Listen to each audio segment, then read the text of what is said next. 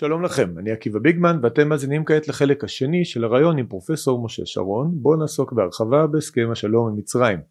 מי שלא האזין לחלק הקודם יכול להמשיך להאזין גם לזה, כיוון שחלקים בסך הכל עומדים בפני עצמם, אבל אני ממליץ בכל פה להשלים את החלק הקודם בהקדם. הרעיון הזה לא היה מתבצע לולא התמיכה הנדיבה של המנויים והשותפים שלי. אני מודה לכם על כך מאוד ואני מזמין את שאר המאזינים להצטרף, לתמוך בפעילות ולקחת חלק במהפכה שאנחנו מובילים באתר מידע. קישור למנויים נמצא בתיאור של הסרט הזה או של הפודקאסט שאתם מאזינים לו. מנויים מ-60 שקלים ומעלה גם מקבלים גישה לערוץ הפרימיום שלי שכלל בין היתר הצצה מוקדמת לרעיון הזה. תודה רבה לכולם והאזנה נעימה.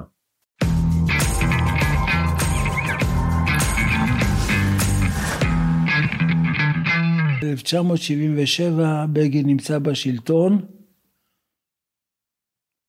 ואז יום אחד אני פוגש את ברנרד לואיס, שמגיע ארצה הישר מקהיר. לא הישר, כמובן בדרך הוא עוצר, עוצר בצל הטורקים, שאותם הוא מחבב במיוחד. והוא כמובן היה הטורקולוג החשוב ביותר בעולם עד כמעט היום הזה.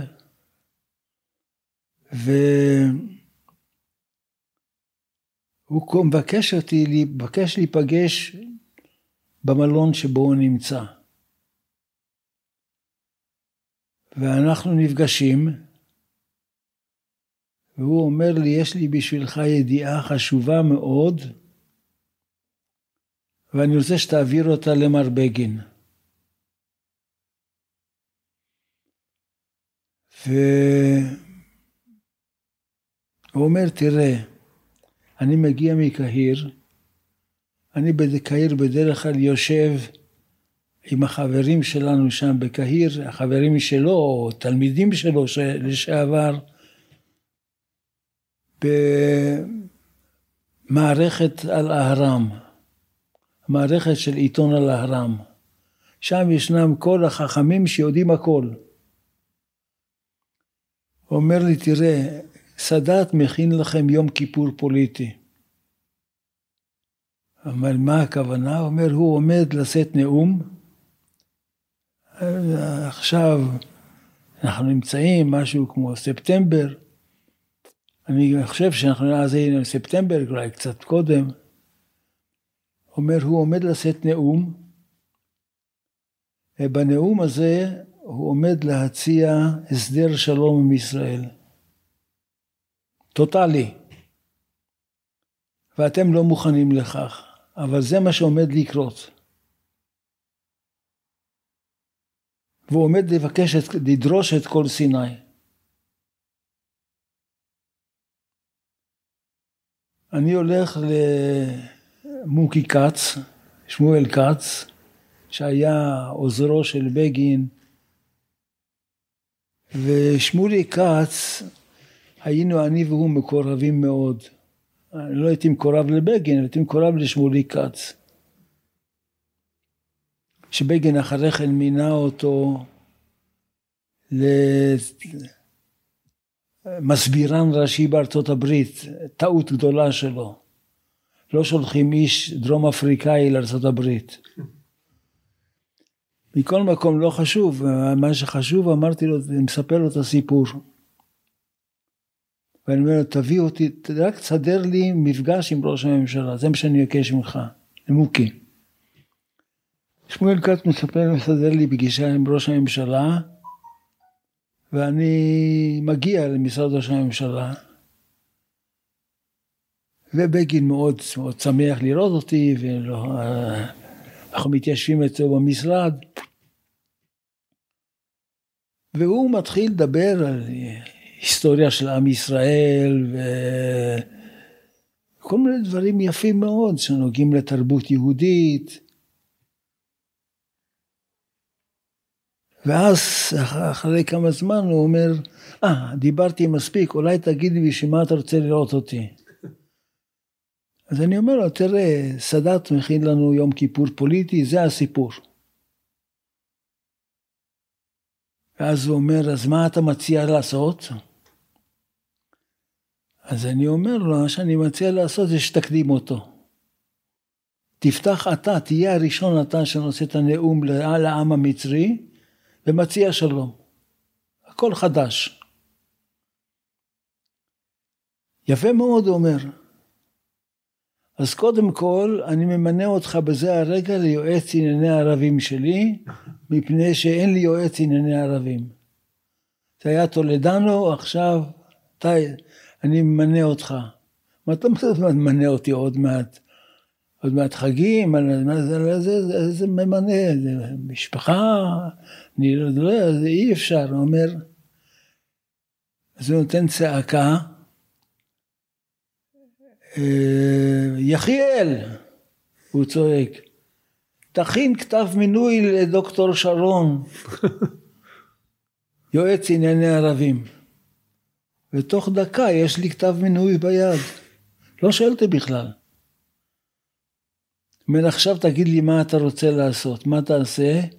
כי אתה אומר שאני צריך לשאת את הנאום ראשון. תקבל על הדעת, אז תכתוב את הנאום. אם תלך לארכיון של המדינה, אתה תמצא שם את הנאום שכתבתי. מתוקן, אבל... אז הוא אומר, תכתוב את הנאום. אמרתי לו, בסדר, אז מה תעשה הלאה? אמרתי לו, אני כותב לך את הנאום, אני קורא למנהל הטלוויזיה, קורא למנהל הרדיו בערבית, קורא למנהל הטלוויזיה בערבית, אני משביע אותם בהן צדק ובאיומים חמורים שהם לא אומרים מילה על הנושא הזה. ו... תגיד לי, אמרתי, אמרתי לו, אמרתי לו, ואני אגיד לך מתי אני חושב שצריך, לפי דעתי, זה צריך להיות בעשרה באוקטובר, 1977. זאת אומרת, כי עשרה באוקטובר זה יום, יום חשוב מאוד בשביל המצרים. אז אני רוצה שאתה תשתלט על היום הזה.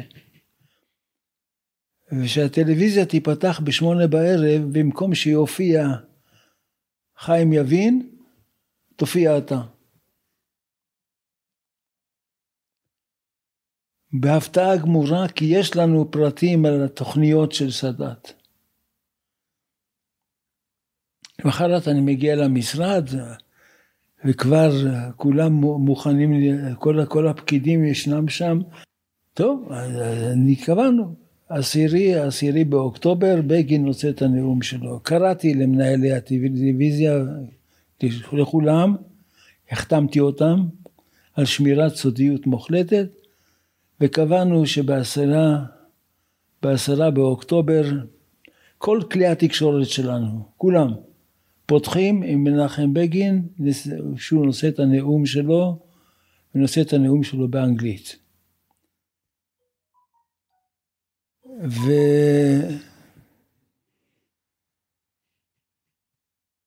והכל הכל מוכן לקראת העשרה באוקטובר. מה רוצה הקדוש ברוך הוא?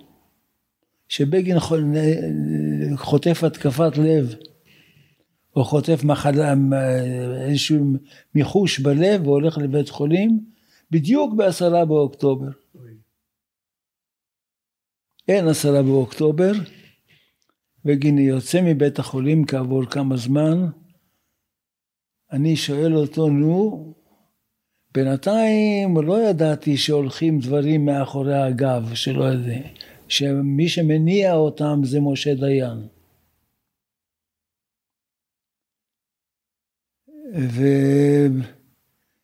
והוא כבר נסע, נסע ל... נסע למרוקו, כל הסיפור מוכר לנו, אנחנו לא צריכים לחזור עליו. אבל אני לא יכולתי כבר לעשות שום דבר. בעצם, כי בגין אמר לי, תראה, נמצא זמן. נמצא זמן, זאת אומרת, זאת האמירה שנמצא איזשהו זמן. טוב, נובמבר. סאדאת נושא נאום.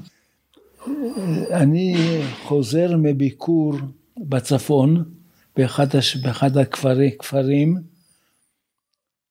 באוטו שלי, הנהג נוהג ואני מקשיב לכל קהיר בערבית. רואה, כל קהיר בערבית משדר את הנאום של סאדאת.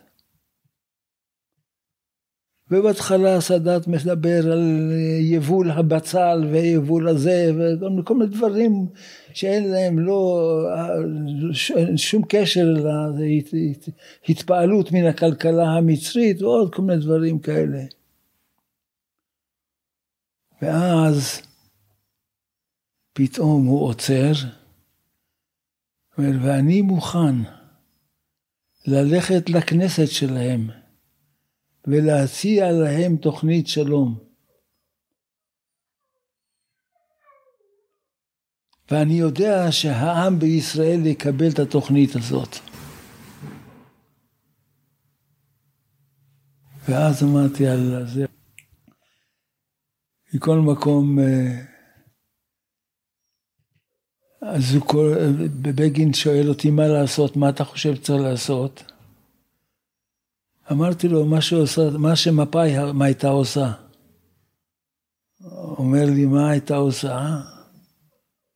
אמרתי לו, היא הייתה אומרת, צריך להביא את זה למרכז המפלגה, צריך לבדוק מה המשמעויות, מי, מי מתעניין, לא מיד, אומר לו, לא, לא, אנחנו מקבלים, מקבלים את בקשת, בקשתו של סאדאת לבוא ארצה מיד. ויוצאת כמובן הודעה רשמית. למה אבל? למה הוא לקח את זה כל כך מהר? אתה יודע מה זה משמעות, מה המשמעות שמנחם בגין עושה שלום עם הערבים? זה לא דבר של מה בכך, בהחלט,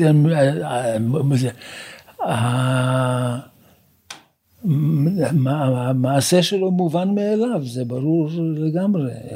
לא יודע. המפא"יניקים עבדו אחרת. מפא"יניקים, אה, היה שם, המפא"יניקים, קודם כל יש לנו כן, אבל יש גם תוכניות, ו... כי הרי הם אמרו בשעתו, אם בכלל תהיה שלום מצרים, זה יהיה על ציר, זה יכלול רק חצי מסיני, על הציר אל-עריש ראס מוחמד. וטוב, כשנגיע לזה, אז יהיה ויכוח על סיני. ואתה רצית, למה רצית בעצם שהוא יעשה את ההשעיה הזאת? תעשה השעיה, אנחנו נדון בזה, נבדוק. אבל למה, מה הייתה המטרה מבחינתך? המטרה הייתה שלא לתת לו את מה שיש, מה שהוא זכה בו. יוזמת סאדאת, זאת לא, שלא תהיה יוזמת סאדאת. קודם כל שלא תהיה יוזמת סאדאת. בינתיים הנאום שלו שהיה צריך לנאום, של בגין, הלך לעולמו. כן. אבל לא, בגין אומר, אני אנאם את הנאום הזה. מה שקרה למחרת היום, אחרי נאומו של סאדאת, הוזמנה התקשורת העולמית למשרד ראש הממשלה, והוא קרא לי ואמר, אני עומד לנאום את הנאום שכתבת. אמרתי לו, אבל זה מאוחר, הוא כבר, הוא כבר נאם את נאומו, וכל העולם מתחיל לדבר עכשיו על היוזמה של סאדאת, לא היוזמה של בגין, אלא היוזמה של סאדאת. אז מה אתה מציע לעשות? אמרתי לו, עכשיו זה כבר בכלל מכל מקום זה מאוחר, מפני שאני רואה את התקשורת בחוץ. ובגין נאם את נאומו לתקשורת, לא ב, ב, ב, לפי ההסדר שקבענו קודם, שהוא ינאם דרך התקשורת הישראלית, אלא בעצם הייתה גם תקשורת ישראלית, אבל הייתה תקשורת בינלאומית, שהקליטה, קלטה את נאומו של, של, של בגין. ו...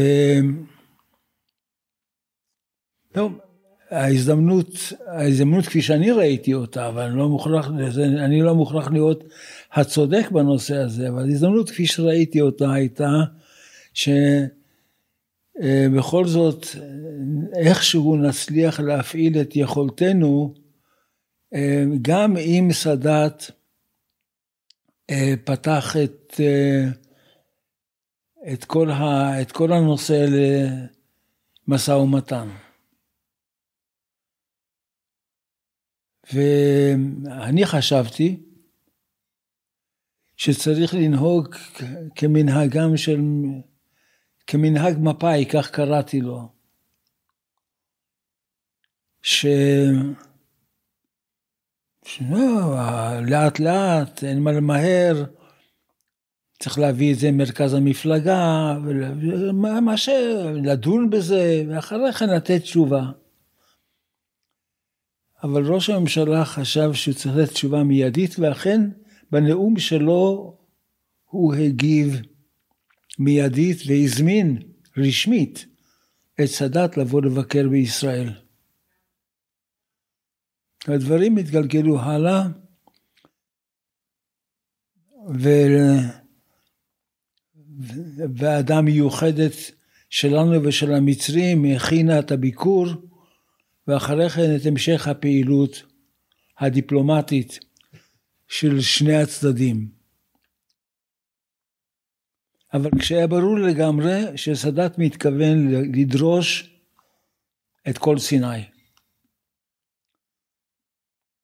ראש הממשלה חשב, בסדר, סיני זה לא ארץ ישראל קודם כל, זה אחד. שניים, עזה זה ארץ ישראל.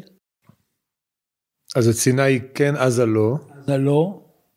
עזה זה כן ארץ ישראל.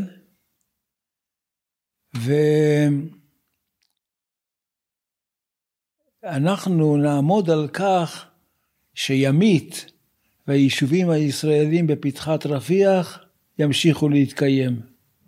זאת אומרת, במקום קו אל-עריש אה, אה, שחוצה את סיני, שבעצם, לא, שמפא"י לא, חשבו להתפשר עליו, בגין רצה רק את, את הפתחה עם היישובים. הוא לא רצה שום, לא, בכלל לא, לא דיברו על אל-עריש ראס מוחמד, שלפי דעתי, לדעתי זה היה צריך להיות מפתח לכל הדיון, ואם זה ייקח יותר זמן, ייקח יותר זמן. ואף אחד לא אומר שכשדנים בחוזה שלום, צריכים לדון, לדון, לדון בו מיד, ולגמור אותו עד כמה שאפשר יותר מהר. אין צורך. אבל זה היה מה שהיה, והוחלט אה, לאחר דיונים, הוחלט להיפגש, לא, קודם כל סאדאת הגיע ארצה. ואני מוכרח לומר שהתרגשתי מאוד. אני עמדתי שם בשדה התעופה, ואמרתי, כל חייך אתה לומד את הדבר הזה, הנה, נשיא מצרים יורד מן המטוס שלו, ואתה עוד מעט תלחץ לו את היד. ככה בא. הרמטכ"ל חשב שזה תרגיל מצרי. אני לא חשבתי ככה, אבל הוא, הוא חשב שזה תרגיל מצרי. שהמטוס, דלת המטוס המצרי תיפתח ויצאו החוצה, יצאו החוצה, תצא החוצה יחידת קומנדו מצרית ותחסל את כל המנהיגות של מדינת ישראל במכה אחת. שזה רעיון לא רע. לא, הרעיון המצרי, ברור, לא היה שום כוונה כזאת. שום כוונה לזה. הם עשו משהו יותר מוצלח. בטח. ואז אה, סאדאת בשעתו אמר למוטה, אתה אמרת, אתה חשבת שאני בא לבלף, לרמות. אני לא בא לרמות, אני מדבר אמת. לא רוצה יותר שישפך דם של... דם של חללים, לא מצרים ולא, ולא ישראלים. טוב. הדבר האחרון שעשינו זה היה מלחמת יום הכיפורים. תראה, אנשי בגין, קצת חקרתי את הנושא, קראתי עליו. אה, סאדאת הרי הציע לפני מלחמת יום כיפור עוד, הוא הציע הרי תוכנית שלום, על זה מדברים הרבה, מה שהוא הציע שמה, הוא רצה את, אה, את אה, החלטה 242 של האו"ם בכל החזיתות. כן, כן, זה גם... זה היה התוכנית המקסימליות שלו, כלומר שאנחנו ניסוג גם מהגולן וגם יהודה ושומרון, וזה זה כן, היה זה. אמר... ולכן גולדה דחתה את זה, ומה שאנשי בגין טוענים, שההישג הגדול של בגין, היה שהצלחנו לעשות איתו הסכם רק על סיני. והוא השאיר את הפלסטינים בתור איזושהי הצהרה, ואת שאר, ה, אה, בשאר החזיתות גם כן זה נהיה כמו משהו לעתיד לבוא. אה, ובזה ההישג של בגין, שהוא הצליח אה, לדחות את הנושא הפלסטיני להמשך. מה אתה חושב על בוא, זה? בוא נאמר איך, נראה מה קרה בדיוק. מחשבות, מחשבות סאדאת זה דבר אחד, אם גולדה רצתה להיכנס למשא ומתן, היא יכולה הייתה להיכנס למשא ומתן, כי בתחילת המשא ומתן גם הוא דרש מאיתנו אותו דבר. זה לא שהוא לא היה, שהוא אומר הכל, כן, הוא רוצה, הוא רוצה שהפלסטינים יקבלו מדינה וכל הדברים האלה, זה בסדר, זה לא, זה, זה מסוג התחלת, התחלה של משא ומתן, זה, בדרך כלל נדבר משהו על משא ומתן. מכל מקום, הוחלט שלאחר, קודם כל בגין הגיע ארצה, נשא נאום שבו היה כמובן הנושא, הנושא, העזת, סליחה, הסינאי, של סיני, ו... שבו הוא דרש, שהוא דרש לסיני את מה שהוא דרש לסיני, וגם כמובן 242, הוא היה, כל הזמן דיבר על 242. זאת אומרת, הוא לא שהוא נסוג מהעניין הזה, אלא במשא ומתן, אה, הוא לא בדיוק נסוג מ-242, היה מוכן ללכת למשהו דקלרטיבי, זה לא עניין אותו. מה שעניינה אותו זה סיני, מה שעניין אותו זה סיני. כן. להכיר, ש, שמדינת ישראל תכיר בריבונות המצרית בסיני, כולה.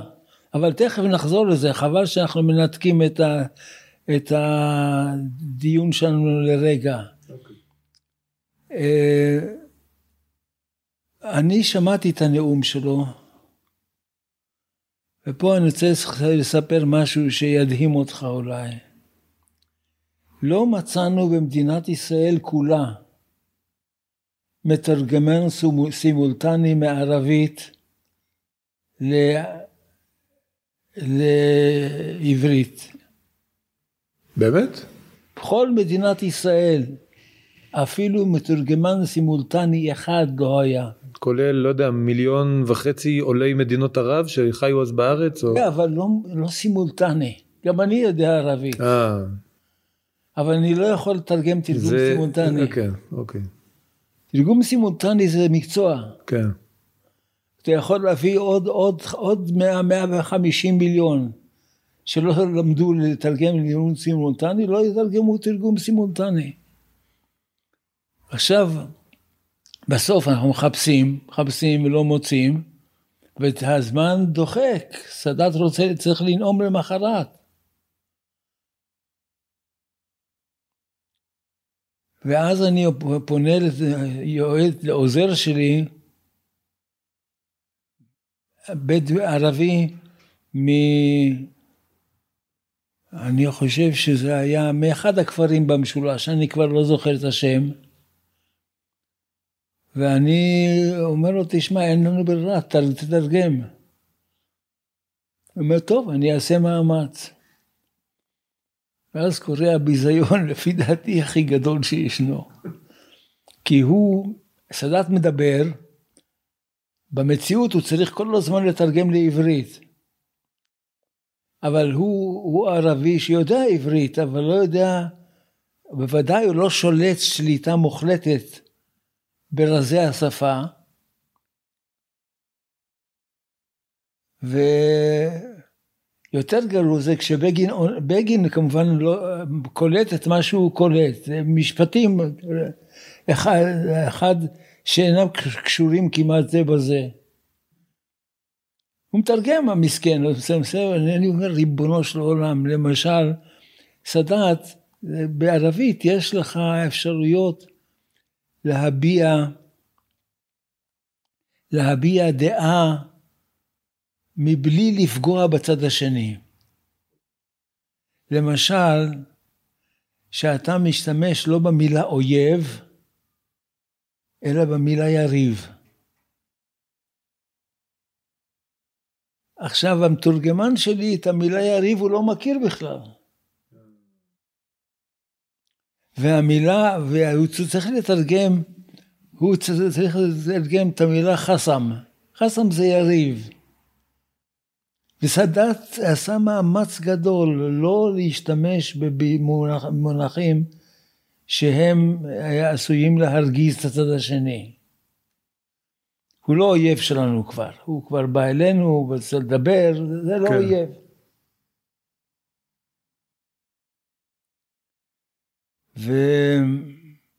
ואני רוצה לשלוח לבגין פתק, שישים לב שסאדאת משתמש במילה יריב ולא אויב.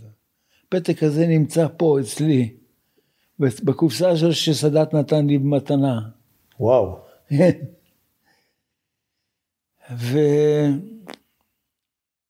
ואחר כך בגין קם לנאום כשהוא כבר... אני יכול רגע להביא לך את הקופסה ותפתח ותקרא את הפתק? אפשר? כן.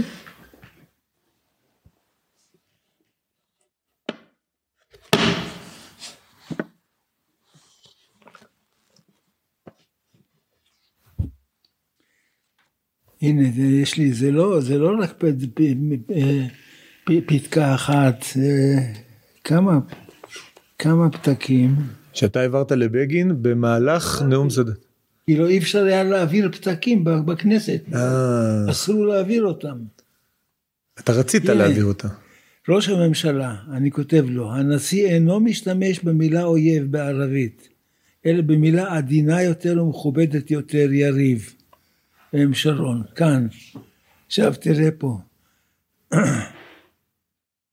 מעלה את זכר עומר אבן אל-חטאב וסלאח א-דין כובשי ירושלים. אין אפשרות לשלום ללא נסיגה מאדמות ערביות. הבעיה הפלסטינית הוכרה על ידי כל העולם כולו, כולל ארצות הברית. לא הזכיר את אש"ף. אין אתם, אין, אין, אין אתם צריכים לפחוד, סורי, לפחוד? לפחד, אני חושב, ממדינה צעירה שאין לה כוח לעמוד על, על, על רגליה בלי עזרה. השתמש במילים על חוקוק אל-אססייה לשעב אל-פלסטיני, הזכויות, הזכויות הבסיסיות של, ה, של, של, של, של הפלסטינים. הזכיר את הכוח האטומי, מדגיש מספר פעמים את המעשה האמיץ שהוא עשה. ההדגשה החוזרת פירושה שהוא מבקש את תגובתנו החיובית, לא בא להשיג הישגים. הנה זה כל הסיפור. אז רגע, אני אבין את הסיטואציה. אתה יועץ לענייני ערבים של בגין. כן. היחיד בצוות שלו שבעצם יכול להבין מה הסאדאת אומר ומה הוא בעצם, ומה הוא אומר בין השורות, ואין לך גישה לראש הממשלה באותו זמן, והוא צריך לתת נאום תגובה, בלי בעצם שהאיש היחיד שיכול לעזור לו ולהסביר לו את זה, יכול להסביר לו מה קורה. בדיוק זה, תראה, אני נותן לך ככה, אין פתרון חלקי, אין כוונה להסדר ביניים נוסף. נקודת מפנה נקודת מפנה הוא הסכמת הערבים לקבל אתכם, מדגיש בשיחות, מדגיש את השיחות העוקפות כדבר שקרה ושזה לא טוב. אנו מקבלים אתכם יותר כעובדה קיימת. זה סאדאת. המחסום הפסיכולוגי, למה לא נהרוס את החומה הזאת יחדיו? אין פשיה, אין פשרה בקשר לאדמות ערביות. טוב, זה, זה, זה הסיפור, הנה הוא פה כולו. מדהים, מדהים. זה לא, שאני, זה לא נמצא בארכיונים. נמצא אצלי פה. אבל זה, זה הדברים שאני כותב לו. ואז הוא עולה לנאום בעצם, ומה הוא אומר? מה הוא אומר? הוא תוקף את, את צדת, את הנאום שלו. ארץ ישראל וכל הדברים האלה, כן? הוא נתן לי את זה, הוא נתן את, ה, את הקופסה הזאת, עם בפנים הכרטיס ביקור שלו. לסאדאת היו לי כמה שיחות איתו מעניינות מאוד, תכף נספר לך עליהן. אז בעצם באיזשהו מקום המשא ומתן בין אה, ישראל למצרים התנהל על בסיס איזשהו חוסר הבנה? כן, בהחלט, אבל לא, החוסר ההבנה הזה היה יותר, יותר באיסמעיליה שהייתי שם, לא... החוסר, מה שקרה באיסמעיליה הוא מדהים. זה אירוע מדהים, שראש הממשלה מגיב לנאום בלי שהוא בעצם מבין אותו עד תומו. עד תומו, נכון. עכשיו, והוא שומע את המילה אויב, וזה, והוא חושב שזה נאום עוין. אויב, אויב. והוא אומר לו, אומר לו חסה, חסה, חסה, לא, יותר נעים. עכשיו, ואז אז הוא נואם את הנאום שלו, כמובן מנומס וכל הדברים האלה, בגין נואם, אבל משהו חסר שם כל הזמן. צריך, בכלל במשא ומתן צריך לא, לא לתת שום דבר ולתת הרבה מילים יפות, זה חשוב מאוד. היה לו, כמובן היו את הדרישות שלו, כי הוא דרש את כל העולם כולו, בסדר, גם אנחנו יכולים לדרוש את כל העולם כולו, ועכשיו בוא נדבר, כן? כן. אמ, תראה, מה, ש, מה שחשוב לזכור במשא ומתן במזרח התיכון, זה חשוב מאוד. וזה מה שלמדתי מסאדאת. מתי למדתי את זה? כשפגשתי אותו באיסמעיליה. כי אחרי, אחרי הביקור שלו, אחרי הביקור של סאדאת, אה, הוחלט ששני המנהיגים ייפגשו באיסמעיליה עם העוזרים שלהם. ואני לא הוזמנתי. אז יחיאל קדישאי, אני לא יודע למה לא הוזמנתי, לא רוצה להעלות אפילו את זה, ולא הוזמנתי, הייתי, אמרו אתה יועץ ענייני ערבים של ערביי ישראל.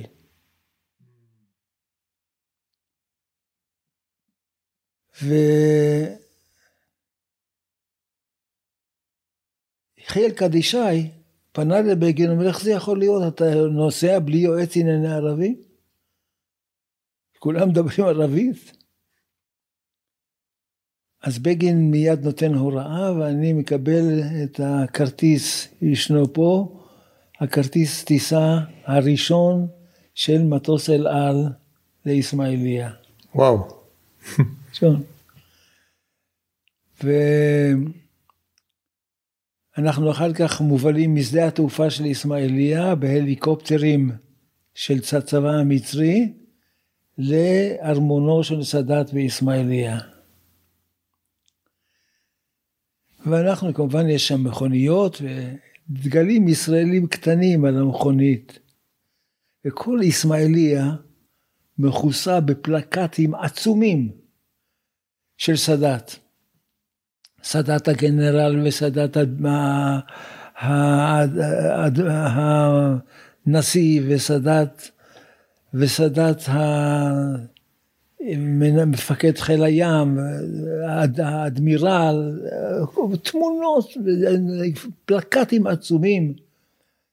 וכל הזמן כתוב בטר אל-עבור, בטר אל-עבור, גיבור המעבר, זאת אומרת גיבור המעבר בסיני. ואז גם למדתי שהייתה תוכנית של סאדאת לקחת את בגין ואת חבורתו כדי שהם יראו מאיפה פרצו, מאיפה פרץ הצבא המצרי לסיני.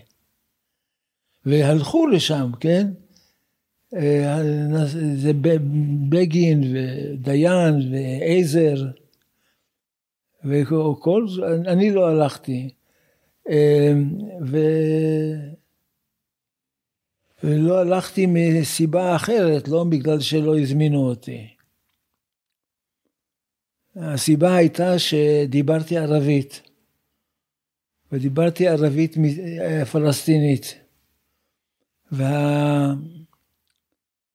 והמצרים לא רצו להאמין בשום פנים ואופן שאני לא פלסטיני שהביא אותי בגין איתו לקישוט. שבאתי לקשט את זה לבין פלסטיני.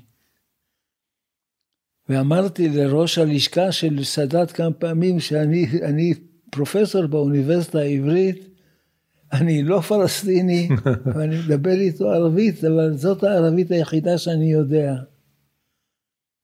סיפור של סיני, של, של לבנון גם כן שייך הנה, אבל אני לא, לא אספר אותו עכשיו בהזדמנות אחרת.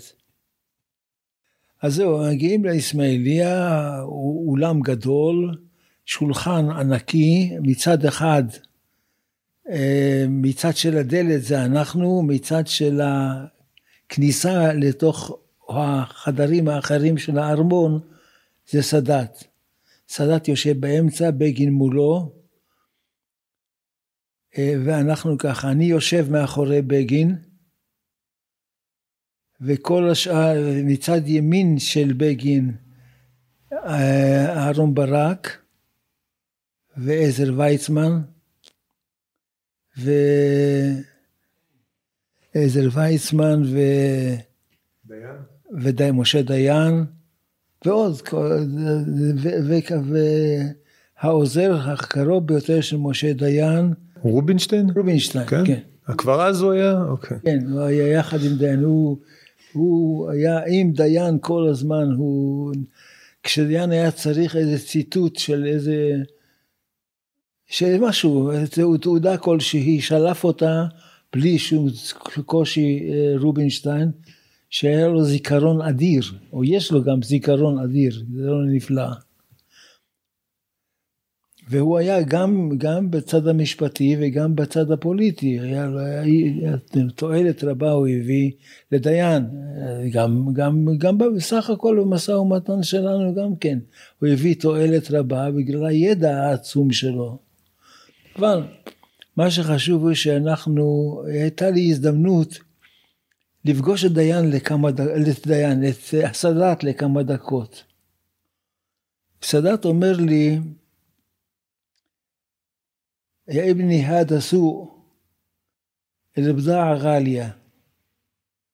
בני, הוא אומר, זה שוק. הסחורה קצת יקרה. ואתה אומר, בוא תראה, פה יהיה דיון של שוק. לא היה, אבל לצערנו. כי הוא התכונן לדיון, למשא ומתן בשיטה הערבית. עכשיו, בשיטה הערבית זה אם אתה רוצה משהו, ואתה עומד ואומר, אני רוצה את זה. זאת אומרת, מדינת ישראל נניח באה ואומרת, אני רוצה את זה עכשיו, אני רוצה שלום עכשיו. אז ברגע שאמרת את המילה עכשיו, אסור להשתמש במילה הזאת. אמרת עכשיו, אתה כבר קבעת, אתה כבר קבעת את אופיו של המשא ומתן. יא, אתה רוצה עכשיו, זה עולה מחיר כבד. אני מעלה את המחיר. כי ברגע שאמרת עכשיו, אתה בסך הכל אמ-, אמרת מה אתה רוצה, ואני נותן את המחיר, והמחיר יהיה גבוה. ומה האלטרנטיבה? ולהפך היא שאתה לא, לא אומר אני רוצה שום דבר. אנחנו באנו לדבר, לא רוצה כלום. אני בכלל, הסחורה שלך לא שווה שום דבר. באמת, אז אתה, אתה, אתה, כמו שאתה עושה בשוק, אתה הולך לקנות זוג נעליים.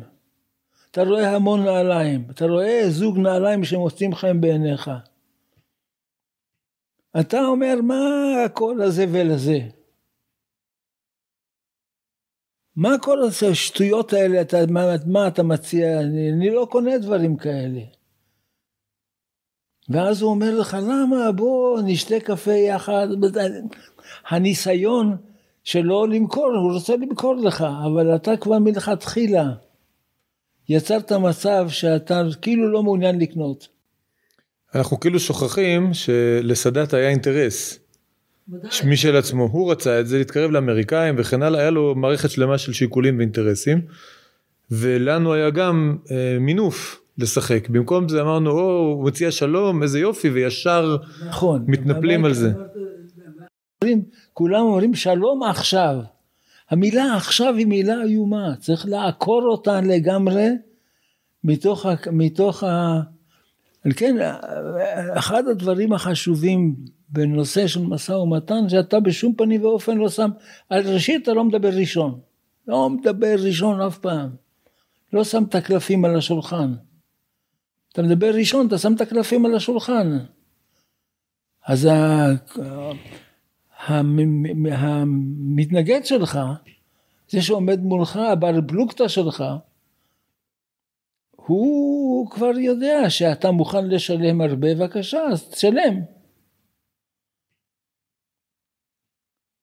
מכל מקום, אז אמרתי לו תודה, אמרתי לבגין.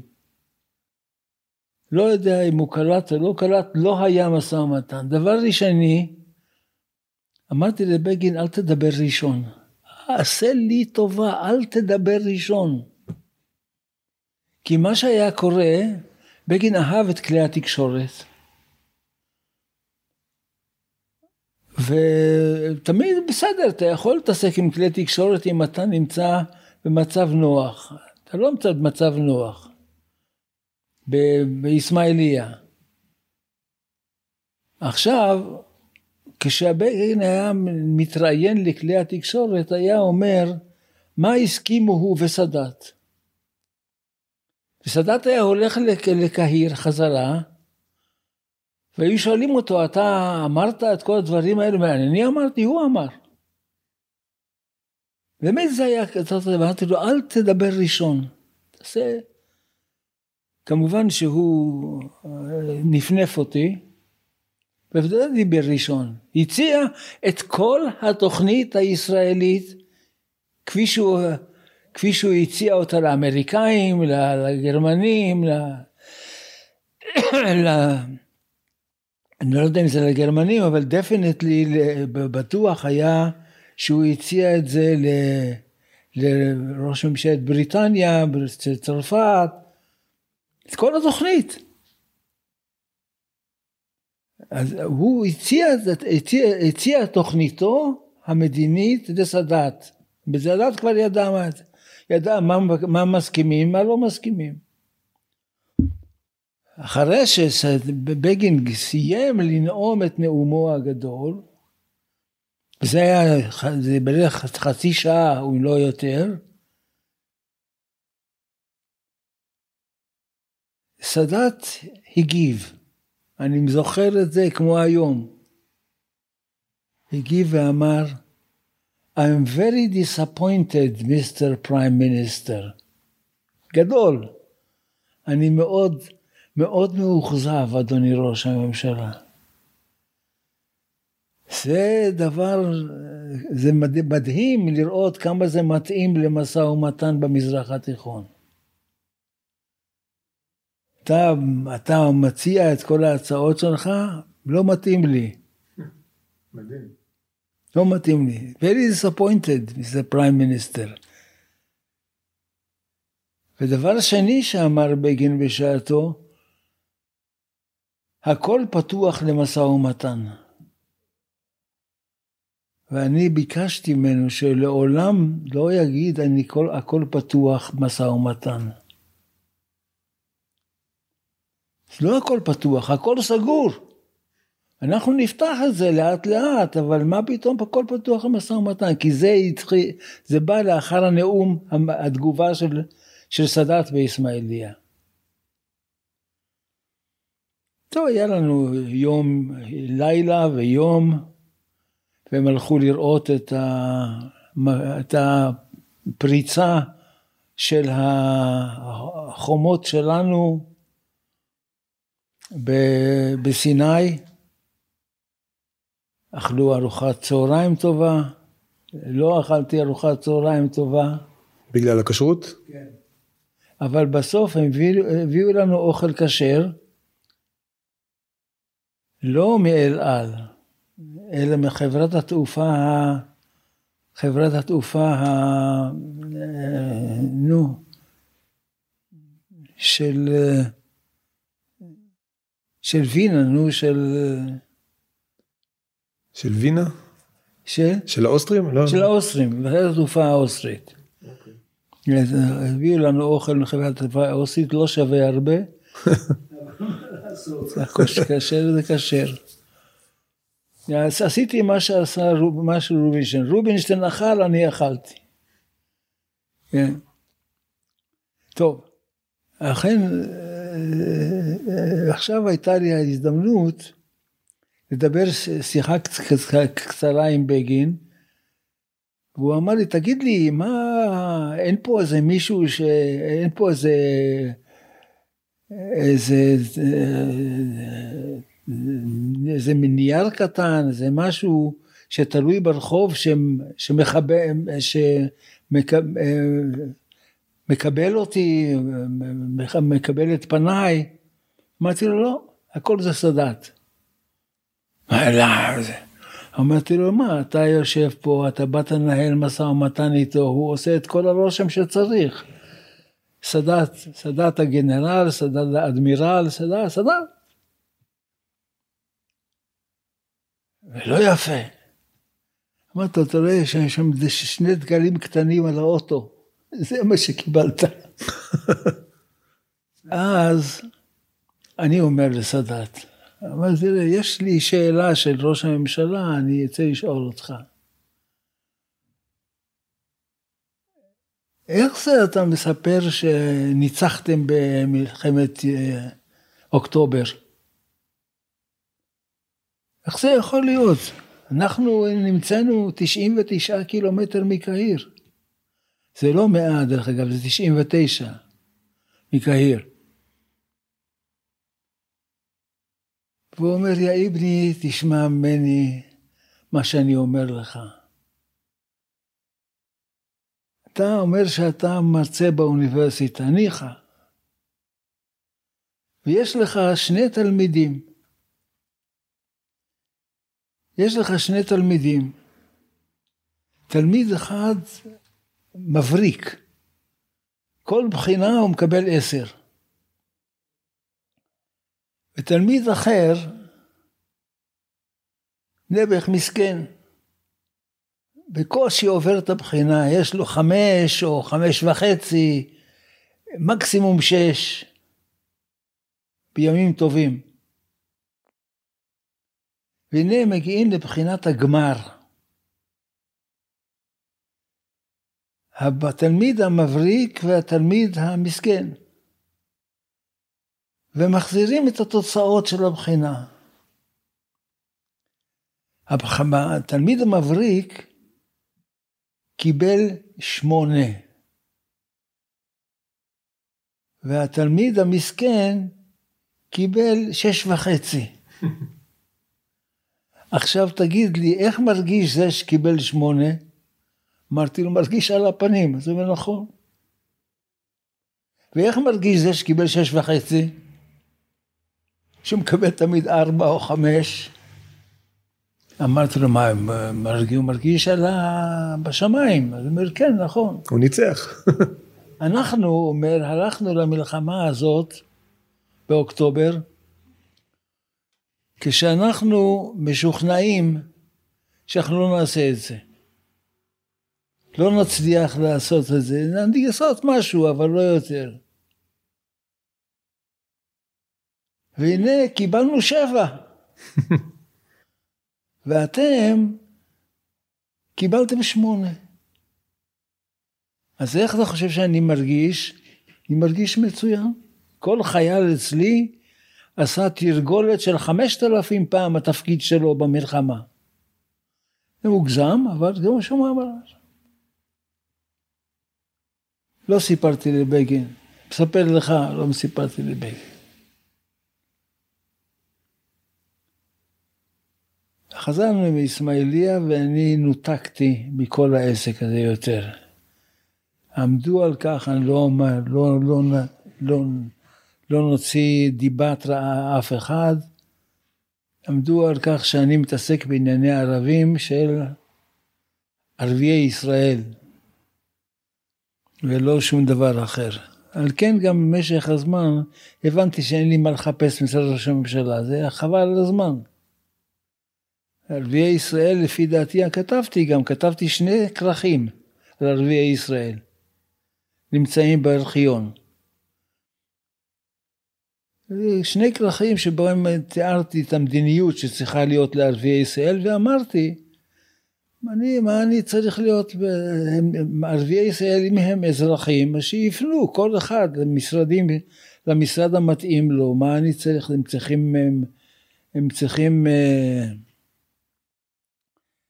מתווך, אין צורך במתווך, אני לא רוצה מתווך, כתבתי, כתבתי מכתב והתפטרתי מהתפקיד והלכתי חזרה לאוניברסיטה, בזה נגמר הסיפור של הקשר שלי עם ה... אבל לא עם הצבא. את הצבא אהבתי אהבת נפש. כל פעם שביקשו ממני לעשות משהו, הלכתי ישר לצבא. וכאן זה יוביל, הדבר הזה יוביל אותנו ללבנון, וזה אני חושב, נעשה את זה פעם אחרת.